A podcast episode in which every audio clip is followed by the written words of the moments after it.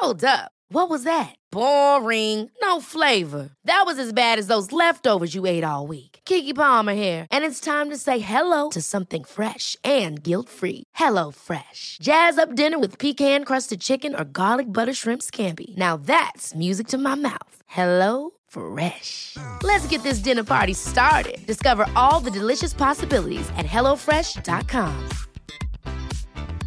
Quality sleep is essential. That's why the Sleep Number Smart Bed is designed for your ever evolving sleep needs. Need a bed that's firmer or softer on either side? Helps you sleep at a comfortable temperature? Sleep Number Smart Beds let you individualize your comfort so you sleep better together. JD Power ranks Sleep Number number 1 in customer satisfaction with mattresses purchased in-store. And now, save 50% on the Sleep Number limited edition Smart Bed for a limited time. For JD Power 2023 award information, visit jdpower.com/awards. Only at a Sleep Number store or sleepnumber.com. A lot can happen in the next three years. Like a chatbot may be your new best friend. But what won't change? Needing health insurance. United Healthcare Tri Term Medical Plans are available for these changing times. Underwritten by Golden Rule Insurance Company, they offer budget friendly, flexible coverage for people who are in between jobs or missed open enrollment. The plans last nearly three years in some states, with access to a nationwide network of doctors and hospitals. So, for whatever tomorrow brings, United Healthcare Tri Term Medical Plans may be for you. Learn more at uh1.com.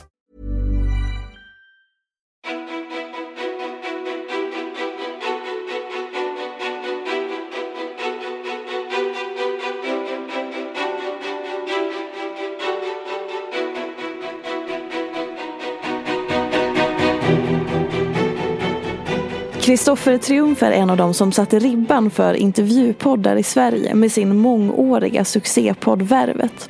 Snart 500 avsnitt och nästan 10 år senare är han fortfarande en av de mest prestigefyllda poddarna att gästa. Till och med kung Carl Gustav tackade ja. Kristoffer blev tidigt känd för att gå på djupet med sina gäster och har själv berättat öppet om hur livet kretsade runt alkohol och droger. Något han fördjupar i sin nysläppta debutroman Törst. Hans podd Värvet har prisats och åkt på turné. 2013 blev han nominerad till Stora Journalistpriset. Hur mycket är Värvet en del i hans identitet? Vem är egentligen Kristoffer Triumf? Varmt välkommen till podcasten Ofiltrerat med mig, Sofia Peterfia Ståhl. Härligt, tack. Välkommen! Tack så mycket. Du hann liksom berätta en hel del innan vi började spela in och jag var så här, förlåt att jag är otrevlig, men jag vill ha allting på band. På band, ja. Exakt. Du, förlåt, eh, men jag, jag står inte ut med att jag är för låg. Antingen Nej. får jag ta, ta av mig, vilken ligger jag på? Hej, hej, ja nu, nu är vi på samma nivå känner jag. Känns det bättre? Ja, förlåt. Nej, men det är bra.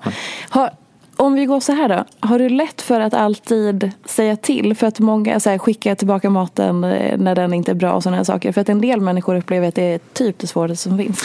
Jag är nog ganska bra på det. Ja. Eh, och ibland lite för bra sådär så att jag kommer nog ut som, jag kan nog komma ut som både otrevlig och dryg i vissa situationer. Jag tror och, och jag är väldigt liksom självmedveten också så då mår jag piss över det liksom tre veckor. Uh, som häromdagen när jag intervjuade typ Titti Schultz tror jag det var. Då eh, hade grannen i eh, min, eh, alltså där jag har lokal då i Gamla stan, en otroligt lång diskussion med brevbäraren precis utanför min liksom, dörr där jag spelar in. Och det är väldigt, väldigt lyhört. Så det eh, liksom bara jag hörde deras konversation lika bra som min i lurarna. Och då stormade jag ut och frågade ifall de kunde ta diskussionen på gatan kanske. Eh, och då eh, mådde jag så pissen så jag var tvungen att, att gå upp och knacka på och be om ursäkt. Och vad är, det, vad är det som händer i dig då? För det är någonting med det här att det är någonting som är obekvämt eller skaver. Och du vill ändå liksom få utlopp för det. Och samtidigt så blir det som att få en eftersläng av Nej men då kommer ju skammen såklart. hur viktigt är det att vara trevlig? Jag tycker det är pissviktigt och jag hoppas verkligen att jag är bra på det. Jag tycker ju liksom artighet är verkligen en dygd. Den är, artigheten i Sverige är ju satt på undantagstillstånd. Det är jätteovanligt med artighet idag sådär, så att man nästan ja, men blir förvånad ifall någon faktiskt tittar över axeln innan de släpper dörren i tunnelbanan eller vad det nu kan vara. Liksom. Och, och det tycker jag, jag tycker liksom artighet är kittet som håller ett samhälle samman på något sätt. Alltså det är ju liksom eh, det är därför man mår bra av att vara i andra kulturer där de är duktigare på det. Liksom, ja, men, eh, Amerika faktiskt, eller England eller Frankrike.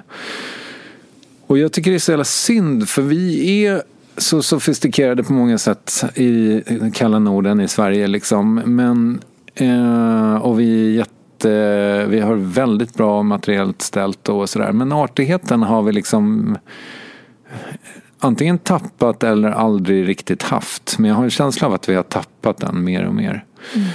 Mm. Um, och jag vet inte om det är samma sak som... Eh, sa du om det var viktigt att vara snäll? Trevlig. Trevlig, ja. Mm. ja men för mig är det väl ganska synonymt. Och jag hoppas att jag är det. Och då i de situationerna jag inte är det, när jag fräser till till grannen och eh, brevbäraren, att jag då på något sätt kan liksom, ja men, be om ursäkt i efterhand. Liksom. Men är det inte intressant i att så här, någonstans så jag upplever att vi är ganska konflikträdda om man, ska, om man får tillåta sig att generalisera lite. Att ja, vi, här, vi är så mån om att vara trevliga och, och bli så här, omtyckta av alla. Men samtidigt så vi, blir vi lite rädda kanske om någon är då väldigt, väldigt tydlig. Fast snarare så är det tydligheten som gör att det inte blir en konflikt. Mm, visst. Men och så, precis som att du beskriver att du känner att det blir en konflikt i dig när du är tydlig och kanske uppfattas som otrevlig om du känner så. Och sen så skäms du för det. Mm. Fast egentligen har du bara gett uttryck över det här är sant för mig i den här stunden. Mm. Jo, nej men det är väl en, eh, en eh, fin linje där. Eh, jag tror att jag kanske har med mig det lite hemifrån på något sätt också det här med artigheten. Och artighet eller trevlighet och omtänksamhet är ju på något sätt grannar. Vi hade en, eh, en äldre släkting som hette Nils Christian. Han är död nu. Men jag och min bonusbrorsa Nicke vi fick åka dit på så här artighetsläger. Alltså vi, vi fick åka till hans gods. Eller ja, en stor jävla villa vid Vänern. Eh, och så fick vi liksom träna på eh, uppfostran, bordsskick och eh, konversation och sånt när vi var i 12, 13, 14 års ålder. Det var väl ett sätt för eh, min mamma och hennes man att få lite egen tid utan oss. Men, men eh, det var en jäkla eh, fin skola faktiskt. Han var liksom, ja, men lite mer verserad då, Nils Christian. Och så försöker man ju ingjuta det där i sina egna barn. Det går sådär kan jag säga. Med, med smalltalket och det. Hur bekväm är du i sociala sammanhang? För det mesta ganska jag, jag, jag, skulle säga att jag är ganska bra på det. Eh, där de tvistade lärde, det kan man ju läsa i min bok då. Eh, men, men jag tror att jag är ganska kul att ha med. Eh, jag är inte särskilt... Inte, för det mesta jag inte särskilt blyg, tror jag. Eh, ja. Eller? nej men... Nej, jag, alltså jag tror, jag tror snarare mitt problem har varit så här. Jag, jag har fått en, sen jag skrev min bok så har jag fått en hater. Mm -hmm. Uh, och det har jag inte haft så många. Eller jag hade, har haft liksom i, i perioder har jag väl haft sådana som så stör sig på mig eller så. Men det här är en eh, uh, ihärdig kille som jag tror, jag är ganska säker på att det är en kille. Och jag är ganska säker på att han, han är från Strängnäs också. För att uh, han, han skrev någonting om att du redan som barn var du liksom, ja vad, vad han nu skrev. Um, och jag tror att snarare mitt problem har varit tvärtom. Att jag har ganska långt till blygsel. Att jag liksom alltid har velat ta plats och gjort det också på ett ganska sådär otvunget sätt. Um, och uppenbarligen då så till den milda grad att folk har retat sig på mig. Um, sen finns det väl Sen är det klart att det finns situationer där jag känner mig obekväm också. Eh, men ofta har det nog att göra med i det liv jag lever nu. Ehm, med språkbarriärer och så. Alltså eftersom jag umgås så mycket med eh, fransktalande människor. Eller min tjej gör. Och då kan ju jag bli tyst såklart eftersom min franska är sisådär och jag förstår. Eller liksom, du vet, jag, jag vet inte. Det, det, tar ju väldigt mycket energi att försöka tolka hela tiden och då är man liksom utmattad av det och, och mm. pallar liksom inte vara kul och trevlig också. Mm. Eh, eller trevlig försöker jag väl vara men. Vad skulle du säga att du befinner dig någonstans i livet här och nu?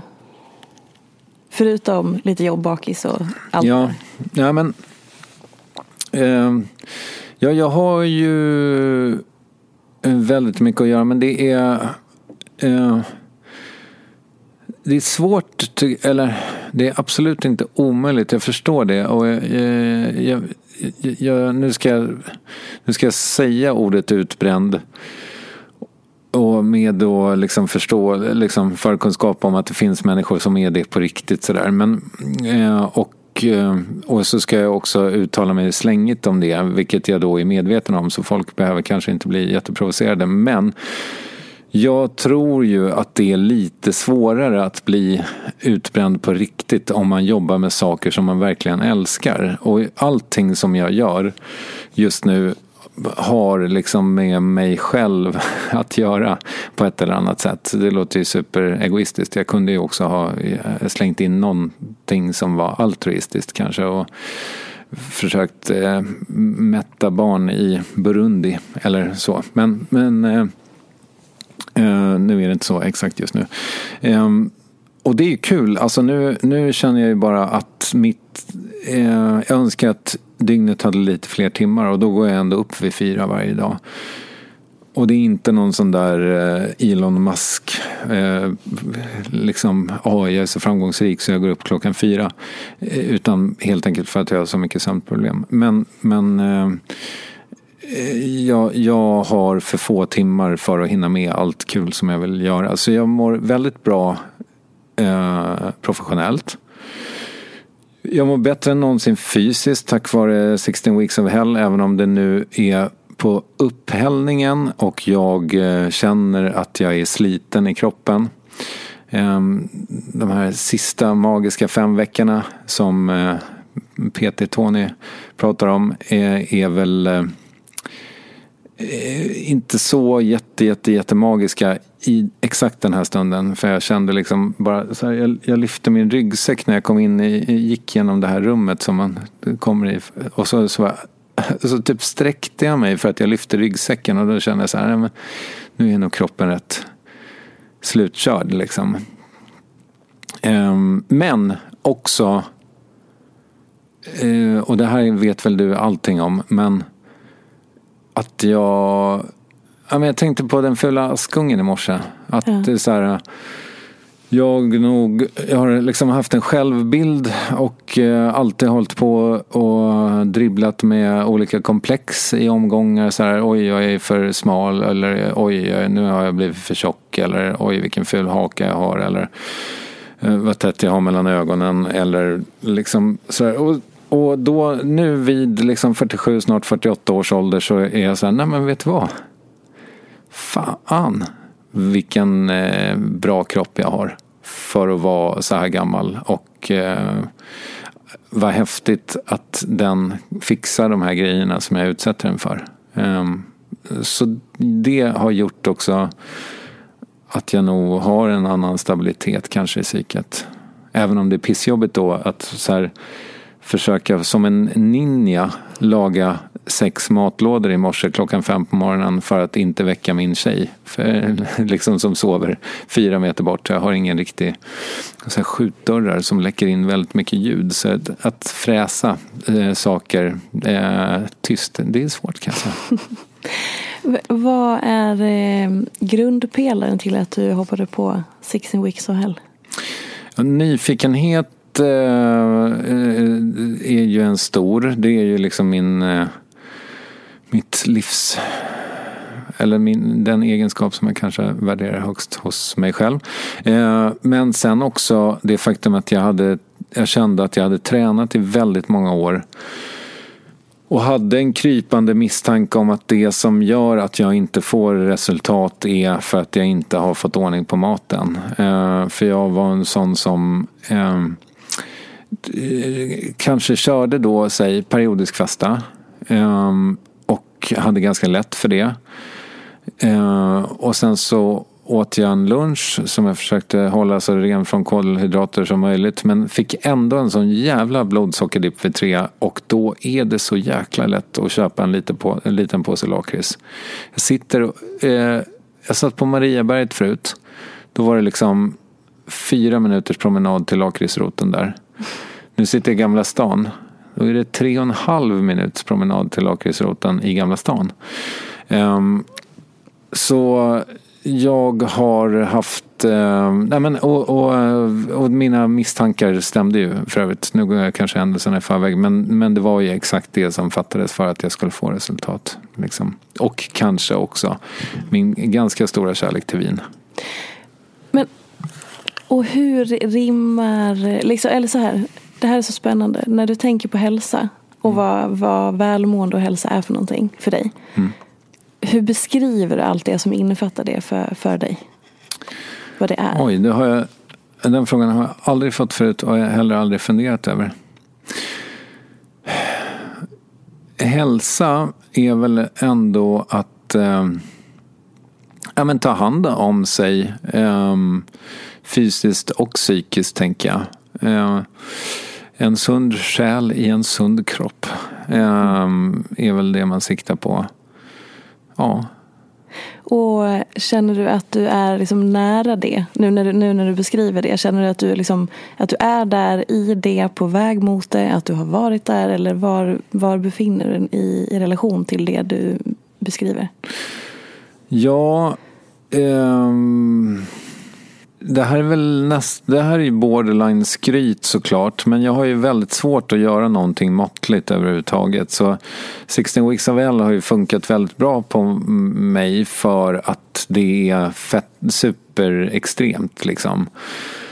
Mår du bra av det? Ja, jag har ju gjort det verkligen. Eh, jag har liksom, ja men det här Måns Möllerska liksom antiglowet som han blev, eh, eh, fick en ny nivå av kändisskap för.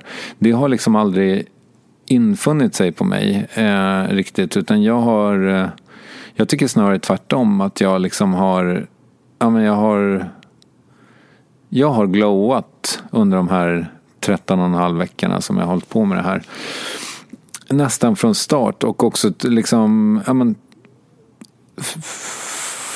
förundrats över eh, ja, men det jag sa förut. Att eh, ja, okej. Okay. Jag har stått väldigt mycket mer framför spegeln än jag, har, än jag gjorde förut. Och jag har liksom upptäckt Alltså, det, det är ganska coolt. Det tänker mig också vardagsmat för dig. Men, men så här att, jaha. Hade jag en muskel där? Och känns, är, det, är, det när man, är det när man gör så där som den spänns? Och, eh, alltså, eh, Tony har varit här va? Nej. Nej, okej. Okay. Ja, då, är det någon, då kanske Maraton, eh, Maraton Petra, Petra. Ja, som har haft ja. honom. Nej, men, eh, för att jag har hört honom i någon sån lite längre intervju. Nej, men han pratar jättemycket om muskelkontakt och det har jag tyckt varit jättesvårt. Att så här, eh, känna i övningar vad det är jag använder för muskler. För jag, jag visste inte om att de fanns och jag vet inte hur det känns när man spänner dem. Liksom. Och det där är, och det är fortfarande inte där med många övningar, liksom, många muskelgrupper. Eh, särskilt på baksidan där man inte heller ser. För om man ser muskeln spännas då är det lite enklare för hjärnan att fatta vad det är som händer. Liksom. Men, men ja, nu vet jag inte heller vad jag svarar på. Men, men eh, eh, ja. Men i det här, finns det någonting som, som du känner är, är svårt eller problematiskt? Eller så det här var inte min grej. I och med att du säger, som, du, som du säger, det är väldigt extremt och det är över mm. lång tid. Och sen så, vad händer sen? När det ja. inte längre är den liksom det formatet så att säga? Nu är det, det där är ju en svinintressant fråga och nu är det ju i skrivande stund typ så här 16 dagar kvar för mig. Ja. Så att det, det börjar ju verkligen brinna i knutarna och förstå hur det livet ska se ut. Ehm, men för att svara på den första frågan vad som har varit svårast så är det ju 100% logistik. Alltså att hitta tid för att göra matlådorna att hitta tid för all träning. För det är ju ändå i princip tre timmar om dagen som går till träning. Liksom. Mm. Um, och det är ganska mycket om man har gått från att köra liksom tre... Och då var, jag var inte otränad när jag gick in. Jag var på fightbox tre, fyra dagar i veckan liksom, och körde cirklar. Um, så att det, var, det har varit den stora utmaningen att hitta tiden. Jag är ju dessutom så lyckligt lottad att jag i 99 dagar av 100 sätter min egen agenda och kan vara vad jag vill eh, när jag vill. Förutom att jag måste göra det. Jag måste leverera ett visst antal timmar intervju om året. Eh, men i övrigt så, så är jag ju väldigt fri så att jag kan ju bara ja, föreställa mig hur det är om man jobbar liksom 8 till 5 och ska få in det här i sitt liv. Det måste ju vara jättesvårt. Um, så att logistiken har varit den stora utmaningen. Och sen då till framtiden. Ja, uh, jag har en... Uh, du kanske vet vem det är? Vet du vem Anders Lidestam är? Stor-Anders? Nej, okay. Le legendarisk PT. Uh, han håller till på Delta Gym och är också naprapat. Han är jätteduktig på det. Mm. Han är jätteduktig på båda grejerna. Känd från eh, ja, men Filip och Fredrik har tränat hos honom och, och eh, så hade han också första säsongen av, inte Biggest Loser, men något sånt eh, program som bara blev en säsong tror jag. Hur som helst. Han sa att han tyckte att jag skulle vila när, när 16 weeks of hell är över. Vila och ät bara. Mm. Gör inte ett piss på en vecka, tio dagar. Och sen går du tillbaka till gymmet så ska du se vad det kommer att hända grejer. Liksom, för då kommer det att explodera. Ehm, och det ser jag jättemycket fram emot. Att så här, för vad 16 Weeks of Hell har gjort för mig är ju att jag faktiskt har upptäckt att det är kul att dra i olika snören och lyfta och så. Så det ska bli kul. Sen är det också kul apropå fula ankungen så har jag ju, jag har ju varit på Fightbox jättemycket och är en del, nu vet kanske inte dina lyssnare vad det är men det är ju då ett, hur ska man beskriva det? Um, ett cirkel slash crossfit gym ja. med en väldigt speciell kultur kan man väl säga. Mm. Alltså att det är lite, så här, ja men 50 procent ungdomsgård för vuxna, 50 procent eh, gym. Typ. Mm. Och de är, ja, men de är väldigt, det är väldigt karismatiska människor som håller i det och väldigt många karismatiska människor som är där också. Men eh, och jag säger inte att jag är en av dem. Men, men det är liksom ja, men det, är, det är ett snällt sammanhang. Det är liksom inte som Delta där alla är lika breda som de är långa. Um, utan man känner så här att om, om jag lyfter ja, om jag lyfter eh, fyra kilo i marklyft så är det ingen som tittar snett på mig. Liksom. Fyra kilo i marklyft tänkte jag var en väldigt liten vikt. Mm. Alltså. var det som var det roliga med det. Nej, men, ehm, eh, och det tycker jag jättemycket om. Men eh, nu ska vi tillbaka till Fyra Ankungen. För jag var ju där senast i augusti. Just det. Och jag ser så mycket fram emot att få komma dit igen nu och vara så här. Ja, kolla på mig nu då. Så, från, för att gå från den här lite blekfeta efter semestern eh, killens till, ja men jag är ju rätt deffad nu får man säga. Så det ska bli kul. Och det här som kan hända då att här, kroppen ändras igen eh, i och med att du säger att du har upptäckt nya sidor, alltså i hur du ser ut eller självbilden eller spegeln eller allt det där. Och det kan ju vara superpositivt och otroligt härligt och liksom upplyftande. Men sen vad händer om allt det här gör att du känner att du tappar eller att du inte håller i för att du kommer inte leva på samma sätt kanske? Nej. Finns det någon risk i det? Ja, det är klart det gör. Alltså jag är ju eh, maximalist och jag älskar att laga mat. Jag tycker det är liksom det, ja, men det, är det bästa jag vet, typ. Eh, och Um, och jag tycker det är jättegott med vin också. Sen har jag skrivit den här jävla boken också i och för sig om just vinet och alkoholen. Liksom, som ju... Um, där jag låter uh, läsaren... Liksom, alltså när den tar slut då, spoiler alert, så ska läsaren inte riktigt veta vilka val jag tar eller hur mitt liv blir. Um, och i det så har jag ju lite grann satt press på mig själv att jag då kanske inte eventuellt ska dricka. Um, och det har också varit ett väldigt välkommen, alltså det har varit en väldigt välkommen nykterhet i och med programmet som jag nu är ja, snart klar med. Så jag vet faktiskt inte hur jag ska göra med alkohol. Jag tycker det är ganska svårt. Jag har funderat dock på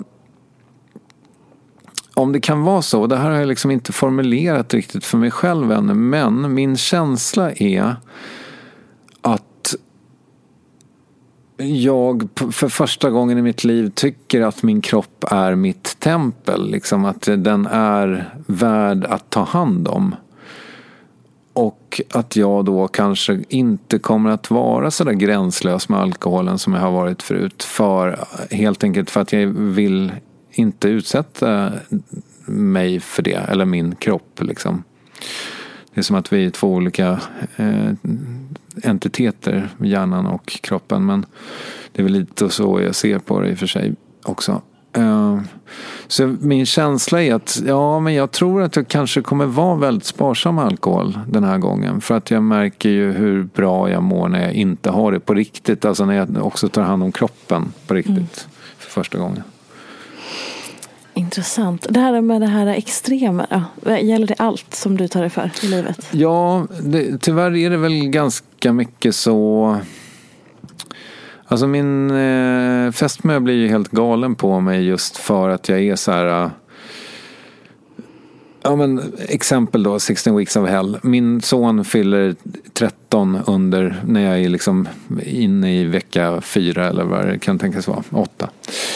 Och eh, alltså det är inte det att jag inte vet när han fyller år, 10 oktober, men jag vet bara inte vilken vecka jag var i när han gjorde det. Eh, och då bokar jag, för vi går alltid ut och äter då, jag och hans mm, eh, biologiska mamma och eh, eh ja, nej, var, nu var det jag två gånger. Love, ja, ja, Love är också med. Ja.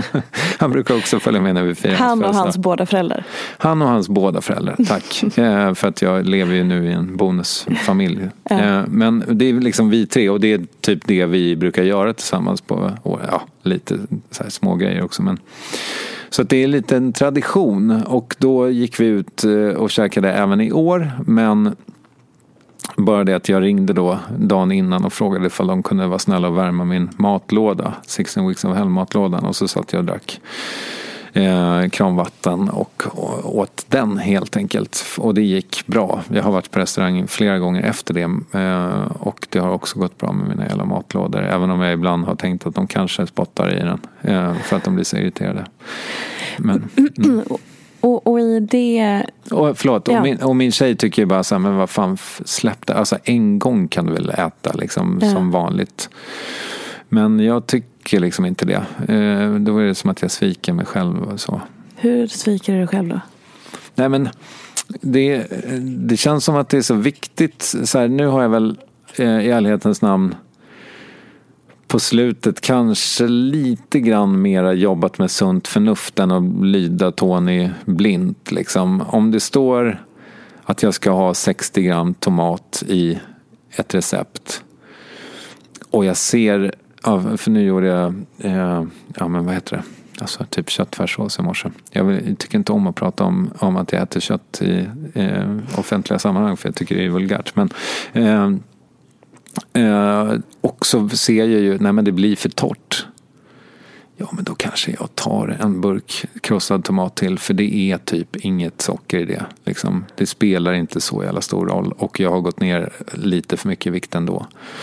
Ja, så förlåt Tony men jag har varit lite mer så eh, laissez-faire på sistone. Mm. För jag tycker det är så intressant i Eh, för hela resonemanget eh, som jag ofta för, eh, eller för, men, men mitt budskap eh, kring hälsa och välmående är ju det här med att plocka bort prestationen från hälsa och välmående för att det blir som att eh, det kan bli sådana ytterligheter i att man så presterar fram hälsa hela tiden, eller snarare välmåendet.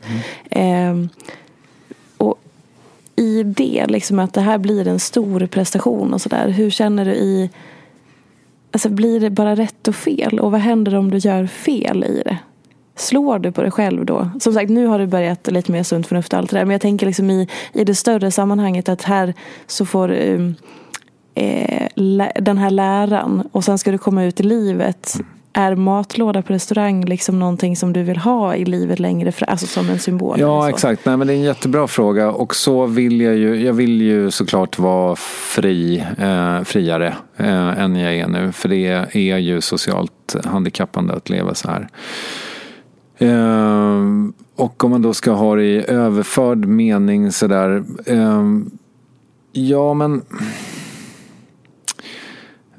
även om, även om 16 veckor är svinlång tid så är det ändå kanske sådär i viss i viss måtto så måste jag säga att mitt liv är liksom förändrat. Ja, men som jag sa, liksom, jag tycker att det är kul på gymmet nu och jag tycker att det är roligt att jag liksom morsar på folk på Sats eh, Schelegatan. Liksom. Nu sa jag Schelegatan. Eh, märkligt, jag håller på Östermalmifieras eh, på gamla dagar. Nej men eh, på Skelagatan. Eh, och att det är verkligen inte fightbox men det är också människor som är värda att lära känna säkert.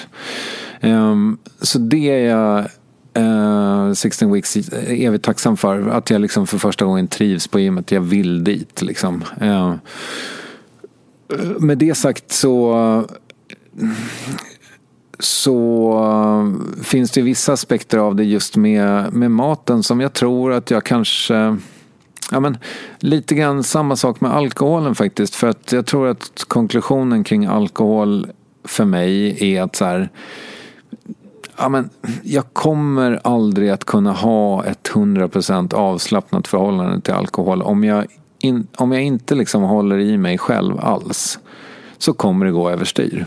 Mm. Ehm, jag, för jag tycker det är för härligt. Liksom.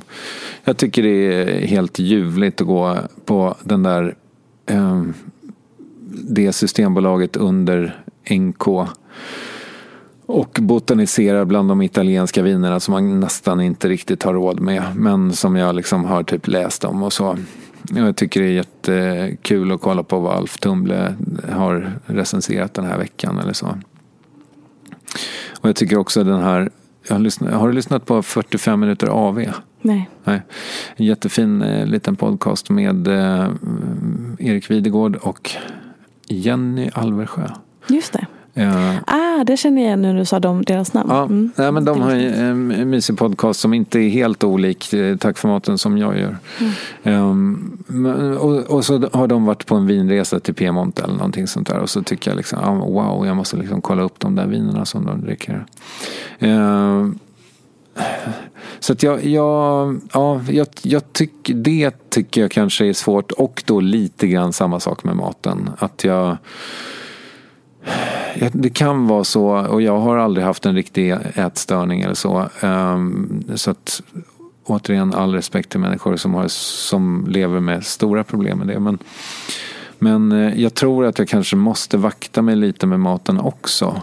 Uh, så. Och då, då, jag vet inte hur det taggar in i din filosofi riktigt men jag, jag, jag har ändå känslan av att det, det kommer finnas det kommer vara, inte krångligt, men det kommer vara någonting som jag måste tänka på tror jag. Ja.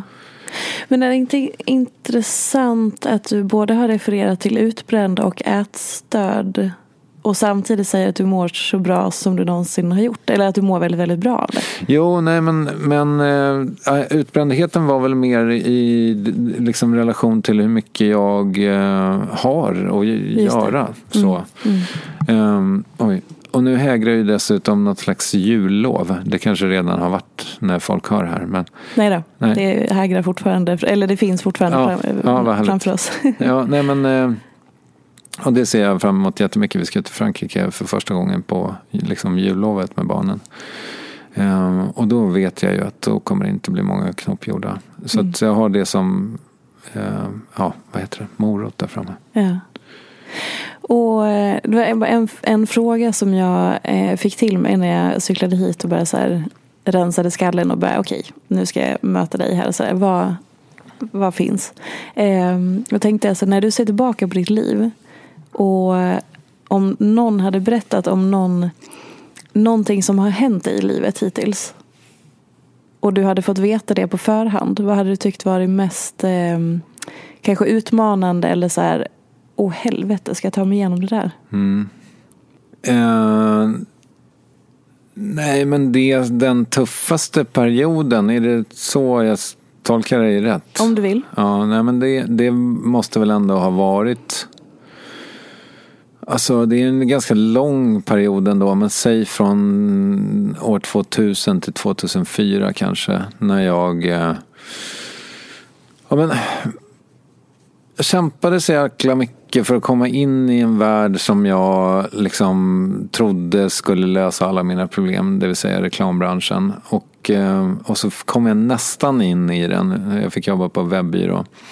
Och så konkade den 2001 och vi hade så fruktansvärt dekadenta efterfester efter konkursen. Alltså mellan att bolaget hade satt sig i konkurs och eh, eh, liksom att det var en sån här auktion. Det var grovt alltså.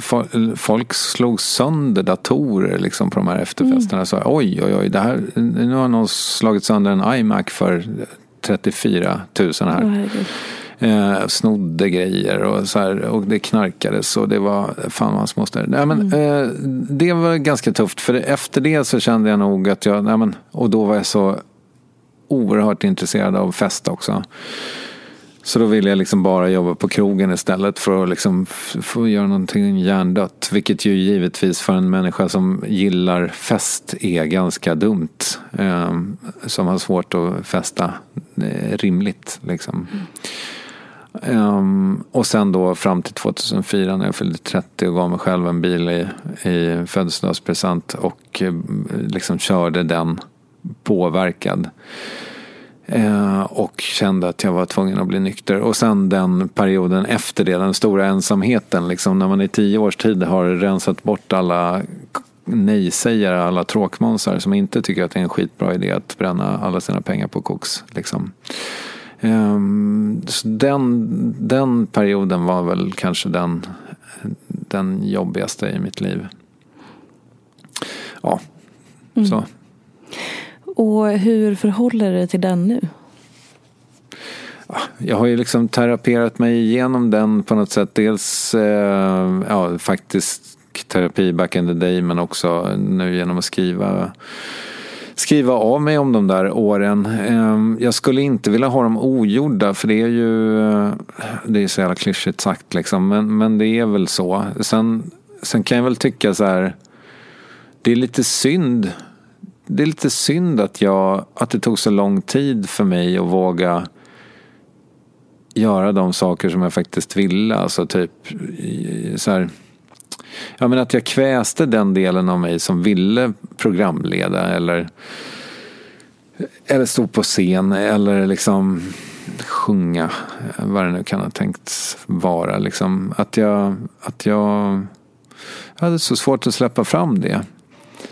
Um, och det var lite onödigt kan jag känna i efterhand. Men, men eh, samtidigt så här, fan, det måste finnas late bloomers också. Och jag var inte så late bloomer ändå. Jag var väl, vad kan jag ha varit när värvet startade? Ja, 37 då kanske. Vad var det som var det avgörande faktorn i att du började våga släppa fram det? Förutom värvet som sak, men vad ledde dig till det? Nej men det var nog vakuumen tror jag. Att, äh, att äh, jag tänkte på det häromdagen när jag hade glömt lurarna och stod och, och gimmade. Att det, inga bra idéer kommer någonsin när man har lurar i. Mm. Eh, det är givetvis inte riktigt sant men det är så otroligt mycket mer eh, stimulerande att, att inte döva hjärnan, alltså med stimulans. Mm. Så jag fick en otrolig affärsidé tyckte jag själv senast när jag var på gymmet utan lurar. Ehm, och den hade jag aldrig kommit till mig ifall jag hade lyssnat på Filip och Fredrik. Liksom. Ehm, no offense till dem. Men, men ehm, sen är ju mitt liv också 100% fullt med stimuli. Liksom. Nu, nu ska jag som sagt intervjua David Lagerkrans i eftermiddag. Eller eh, till och med inte i eftermiddag utan kring lunch. Och ehm, och då måste jag ju lyssna på allt jag hittar med honom. Så, där. så att, det, det är ju tyvärr eh, lite övermättat. Eh, vad var frågan? Den har vi lämnat för länge ja, sedan. Det är bara ja. intressant att du fortsätter. Ja, tack, var snällt. eh, men i... Eh, alltså just det här med den ständiga, alltså att man distraherar sig själv i det och så. Så längtar du efter någonting som du inte riktigt har i din vardag? Mm, det där är en jävligt bra fråga tycker jag. Eh, frågade faktiskt eh, Therese Lindgren om det häromdagen, om hon längtar. Mm. Eh, och hon sa att hon gör inte det eh, just nu. Vilket hon då, alltså hon längtar efter längtan. Vilket ju någonstans är lite fint på något sätt och väldigt, väldigt mänskligt. Ja, Problemet med mig är väl att jag alltid längtar eh, fram. Alltså så här, ja, det ingår ju lite i konceptet längta men men, men jag... Eh, jag har svårt att sovra med energi, att här, spara energi. Eh, har jag tre timmar över en vecka då tror jag att jag kan starta ett nytt projekt. För jag hade ju tre timmar här så då kommer jag kanske ha det nästa vecka också. Mm. Och så är det ju inte alltid eh, att man har det. Så eh, jag, jag minns ju en tid liksom ja, men 2016, 2017 kanske när värvet var det enda jag gjorde. Um, och pengarna rullade in och jag fick väl spela in ett sponsormeddelande för Swedbank i veckan också. Och så var det det jag gjorde liksom. Inte undra på att jag hann göra mycket musik och sådär då. Mm. Um, och nu har jag liksom varit så orolig för att ha alla ägg i samma korg, det vill säga då värvet. Så då har jag liksom sjösatt massa andra projekt och ja, skrivit bok och startat en, eller varit med och startat en sketchgrupp eh, som numera är nästan med en manusgrupp. Och, ja, men, eh, startat en podd till och ja, du vet. Mm. Kanske ska vara med i något tv-program nu. Försöker få så mycket företagsgig som möjligt. Och så. Um, så... Nej, jag har tappat frågan igen. Det är ofelbar. Eller vad heter det? Men om vi, vi hoppar till en annan ställe. Vad är skillnaden på att längta och att fly? Ja, längta, det var ju det. Ja. ja. Vi skulle fram till den. Nej men jag vill ju alltid någon annanstans. Eh, eller men så är här. det att längta eller att fly? Nej, eller så här. Jag vill alltid vara i någonting. Jag vill alltid vara i process liksom. Mm. Um, och det som är härligt då med att ha podcast är ju att man alltid är det. Uh, men uh, sen vill man ju kanske till, uh, alltså som med hasch va, att man vill prova lite tyngre grejer. Um, testa inte hasch nu bara för att jag sa sådär. Det var bara ett det var bara ett slängigt uttryck. Eh, och, eh, eller gör det om ni vill. Eller gör inte det. Eller kolla med någon först innan ni testar. Gör, eh, gör det inte. Eh, avråder du eller avråder du inte? Jag avråder. Okay. Mm. Inte för att det kan leda till tyngre missbruk. Mm, det kan göra det. Ja. Eh, men det måste inte göra det. Hur som helst. Men man kan få psykos. Har du fått det? Nej, men jag har väl snedtänt kanske, men inte så mycket på hasch tror jag. Eh, men man kan bli sömnig eh, och eh, hungrig. Eh, och eh, det är inte bra.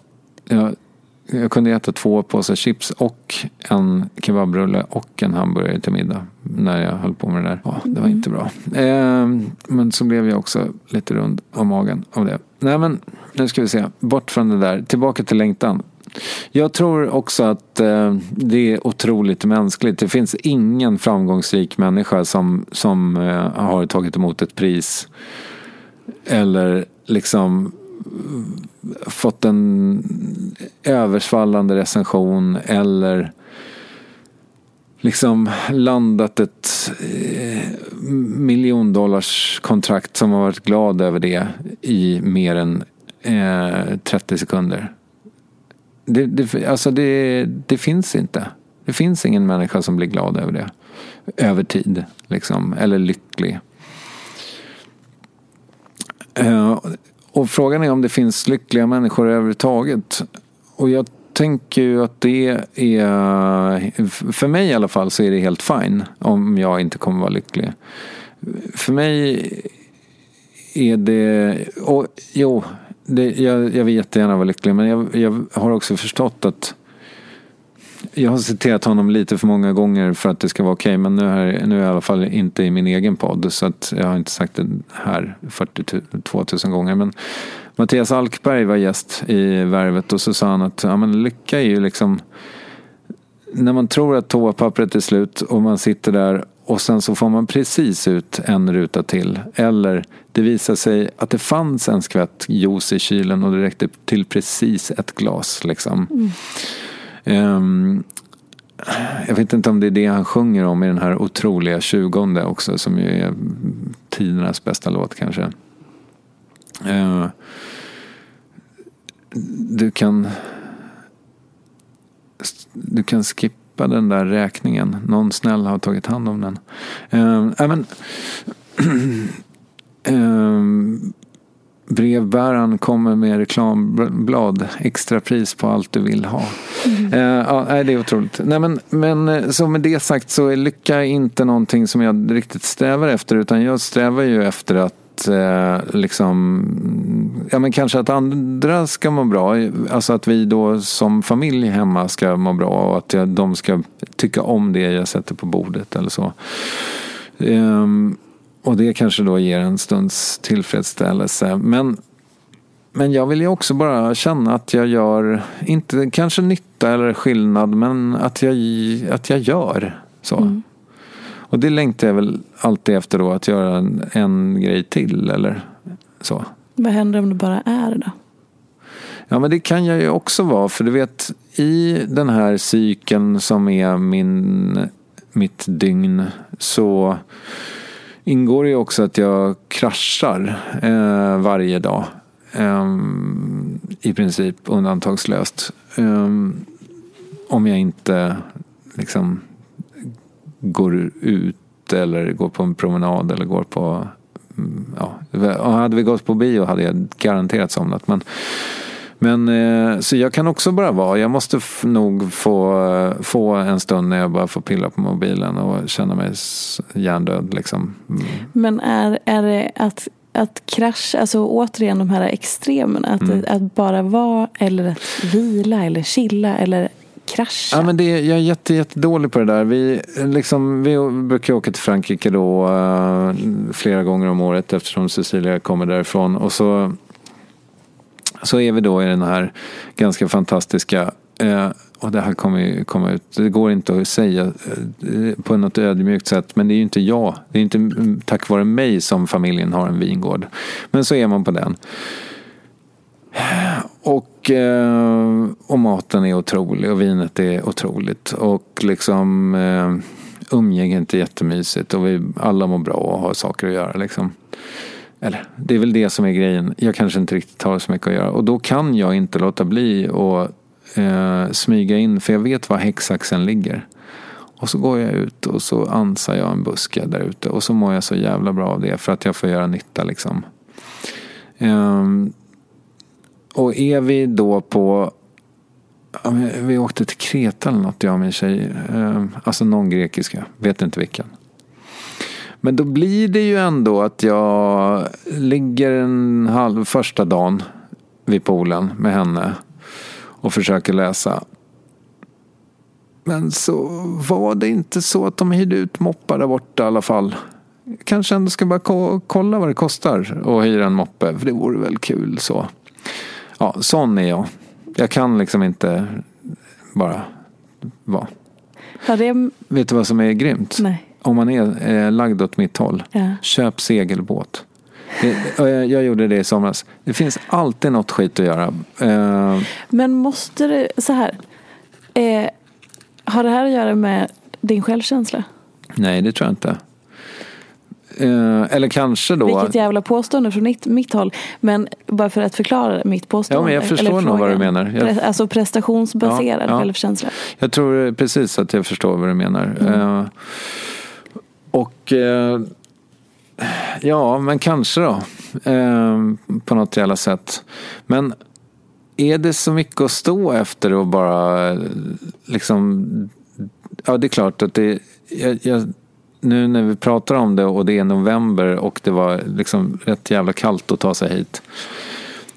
Då låter det ganska mysigt att ligga vid en pool på Kreta eller Rhodos. Fast handlar det egentligen om poolen och att ligga där eller handlar det om det som händer inuti en själv? Att känna att man liksom har någon slags eh, acceptans eller trygghet inuti oberoende vad man gör eller är eller så.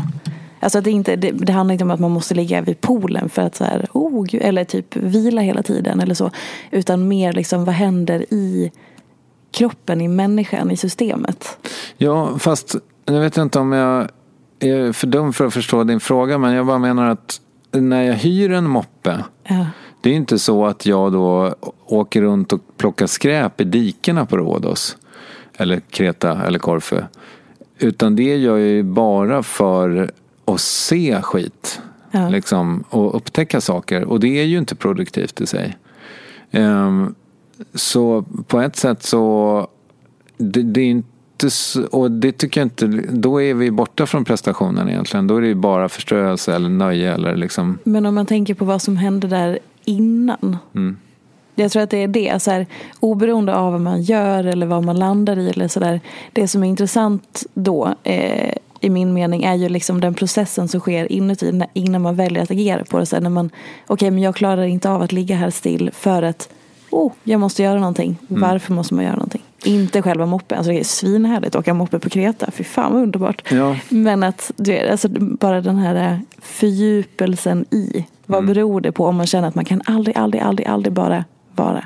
Men det där är väl ändå super... Alltså nu, nu kanske jag inte ska trassla in mig manligt och kvinnligt här men jag tänker mig ändå att om man har läst den där Human, eller vad den heter, det, nej, Sapiens heter ja, den. Förlåt. Ja. Sapiens mm, mm. av Yuval Harar, vad han nu heter. Jag har inte läst den då, men jag har ju läst, eller jag har väl bläddrat i den. Och då blir, får man ju liksom syn på att på samlar, vad heter det, Sam, eh, jägare och samlartiden liksom, så var, alltså stannade du upp så dog du ju. Liksom, mm. Då kom det ju någon mammut och stångade upp dig på hornen och käkade upp dig kanske. Jag vet inte om mammutar ens åt kött. Men, men, eh, så det är väl en djupt mänsklig reflex att man vill vara i rörelse, tänker ja. jag. Sen säger jag inte att det är, alltså jag har ju också, eh, vad heter det? Jag har, jag har liksom testat TM, alltså transcendental meditation och försökt finna ro i det och liksom suttit de där 20 minuterna eh, vid köksbordet med någon timer på telefonen liksom. Eh, och eh, mådde jättebra av det. Men har jag gjort det efter att jag gick kursen? Svar nej. Liksom, för jag ser inte poängen. Nej jag, jag, jag, jag fattar att det är vettigt att man... För det som händer i en är ju att man sorterar sin dag på något jävla magiskt sätt när man håller på med det där. Gör du, håller nej. du på med meditation? Nej. nej. men, nej, men eh, det blir det där eh, liksom... Gör en sak i taget och det viktigaste först. Principen den blir mer tydlig med meditation tycker jag. Men samtidigt så är det ju fan 40 minuter om dagen då som försvinner till som man kan göra annat på. Liksom. Och Samtidigt så tränar du precis tre timmar om dagen och gör alla matlådor. Och yes, men eh, powerwalken har ju också potential att vara den meditationen. Exakt, mm, absolut. Men handlar det, handlar det om att hitta någon slags närvaro i det man, den man är bara? Mm. Eller? Alltså oberoende av vad man gör eller inte. Vet du, eh, jag, det där är också någonting som jag har hållit på och trasslat med. Framförallt har jag plågat mina gäster med att fråga liksom, vem, vem är du när du inte presterar? Eller vem är du när jag tar bort din titel eller ditt namn eller din bakgrund? Liksom.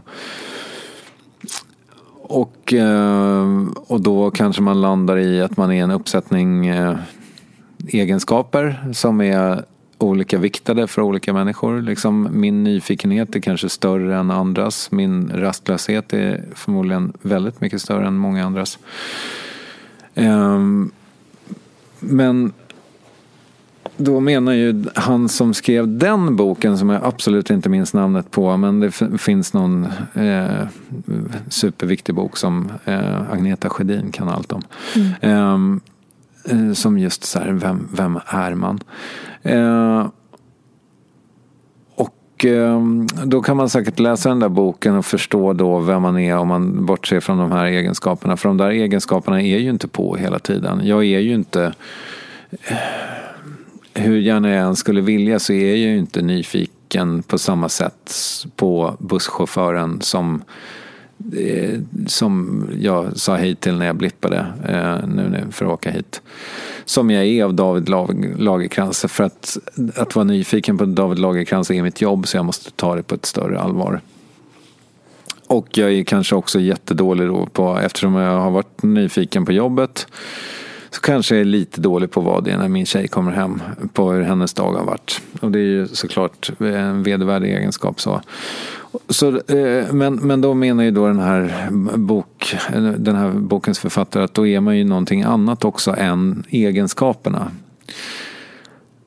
Uh, och jag vet inte hur, jag, hur intresserad jag är av att grotta i det. Mm. Jag, jag har umgåtts ganska mycket mer med min pappa än jag eh, har gjort tidigare i livet. För vi har då köpt den här båten tillsammans. Och det är så jävla tydligt med honom att han är så fruktansvärt ointresserad av allting som har friktion i livet. Så här, han liksom... Ja, man, man, kan lyssna på, om man är nyfiken så kan man lyssna på värvet med honom också. Och det, det är liksom så här, han, han, han, han har gett mörkret absolut noll uppmärksamhet. Och det har ju liksom han var, så här, han var ja, terapi, varför ska man lägga tid på sån skit? Jag har inte tid. Nej, vad lägger du den på istället? Ja, korsord. Liksom. Alltså, och jag tycker på något sätt att det är något fint i det. Jag tycker det är lite avundsvärt att vara så teflonig. Liksom. Um, och jag är inte säker på att jag tycker att jag känner att jag måste grotta i vem jag är när jag tar bort mina egenskaper helt enkelt. Det är det jag försöker säga. Mm. Eh, upplever du då att det blir någon slags avstängdhet eller att han genuint trivs med det? Jag tror att han genuint trivs med det eh, i just pappas fall. Nu är han inte här och kan försvara sig men jag tror inte att han hade velat ha det på något annat sätt. Han kommer också från eh, Ja, men ett grubblande håll tror jag. Jag undrar om inte farmor var... Eh, han är uppväxt utan pappa för eh, farfar dog när farsan var svinliten. Eh, men jag tror att hans, min farmors liksom mörker tror jag födde pappas ljus på något sätt. Att mm. så här, han tog spjärn emot det där. Och så där liksom deppig och, och grå ska jag aldrig bli. Liksom. Så han har ju varit väldigt extrovert. och ja, men tagit och, och, som sagt liksom mot, mot sin eh, lite mer tillknäppta eh, mamma.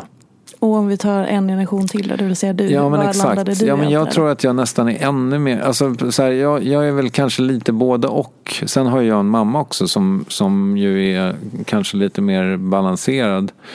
Eh, som nog både Ehm, har både och. Liksom. Men om man bortser från henne i just det här så jag har nog dragit det åt ehm, extremer både liksom i det mörkret och ljuset på något sätt. Eh, så. För jag har ju ehm, Ja, men jag har ju eh, jag har fått ut väldigt mycket av livet så här långt. Om man säger. Vi behöver tyvärr börja avrunda. Ja. Och eh, du ska få den sista frågan som alla mina gäster får. Yes. Vad är inte som det ser ut? Vad som, är, som det inte ser ut? Mm. Nej, men ett superklyschigt svar är förmodligen, och du kanske har fått det förr, men ingen är ju som det ser ut skulle jag säga. Eh, jag tycker att alla människor man möter man skrapar på ytan. Jag, jag tycker liksom, jag har så mycket fördomar om människor. Och så blir man liksom ihoptussad med dem på någon jävla städdag i bostadsrättsföreningen eller eh, på någon nattvaktsrunda på båtklubben eller ja, att man frågar någon om någon övning på gymmet och man tycker den ser så jävla spånig ut och sen så liksom, ja, du vet.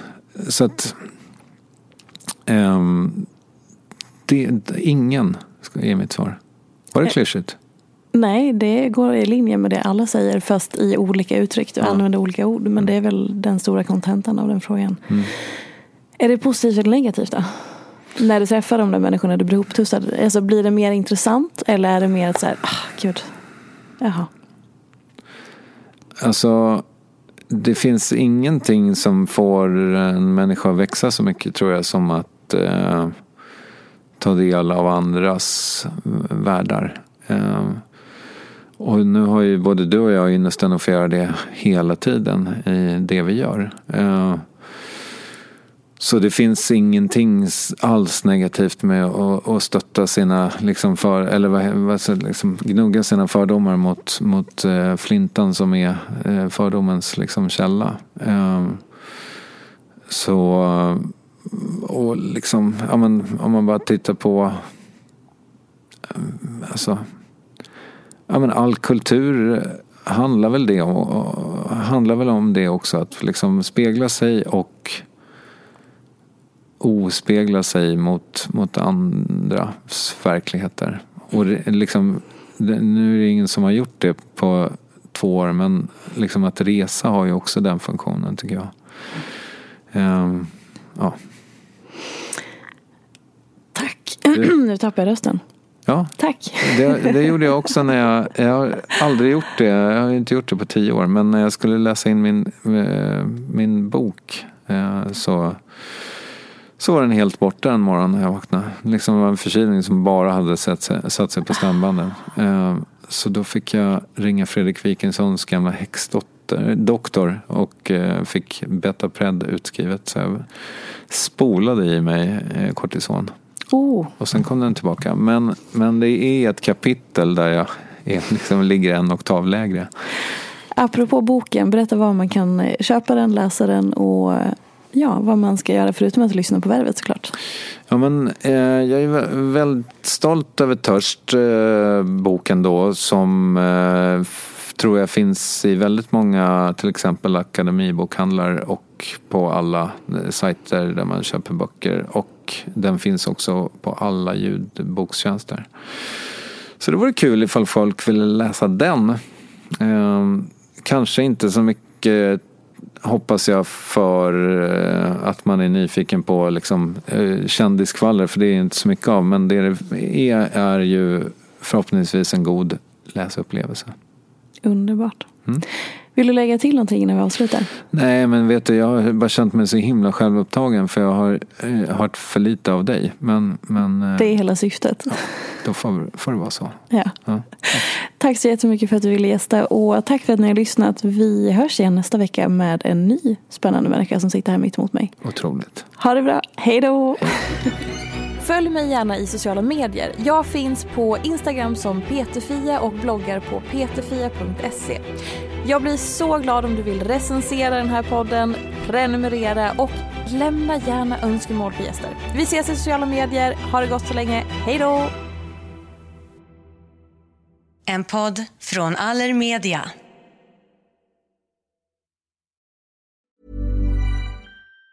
Even on a budget, quality is non-negotiable. That's why Quince is the place to score high-end essentials at 50 to 80% less than similar brands. Get your hands on buttery soft cashmere sweaters from just 60 bucks, Italian leather jackets, and so much more. And the best part about Quince, they exclusively partner with factories committed to safe, ethical, and responsible manufacturing. Elevate your style without the elevated price tag with Quince. Go to quince.com slash upgrade for free shipping and 365-day returns. Hold up. What was that? Boring. No flavor. That was as bad as those leftovers you ate all week. Kiki Palmer here, and it's time to say hello to something fresh and guilt-free. Hello Fresh. Jazz up dinner with pecan-crusted chicken or garlic butter shrimp scampi. Now that's music to my mouth. Hello Fresh. Let's get this dinner party started. Discover all the delicious possibilities at HelloFresh.com.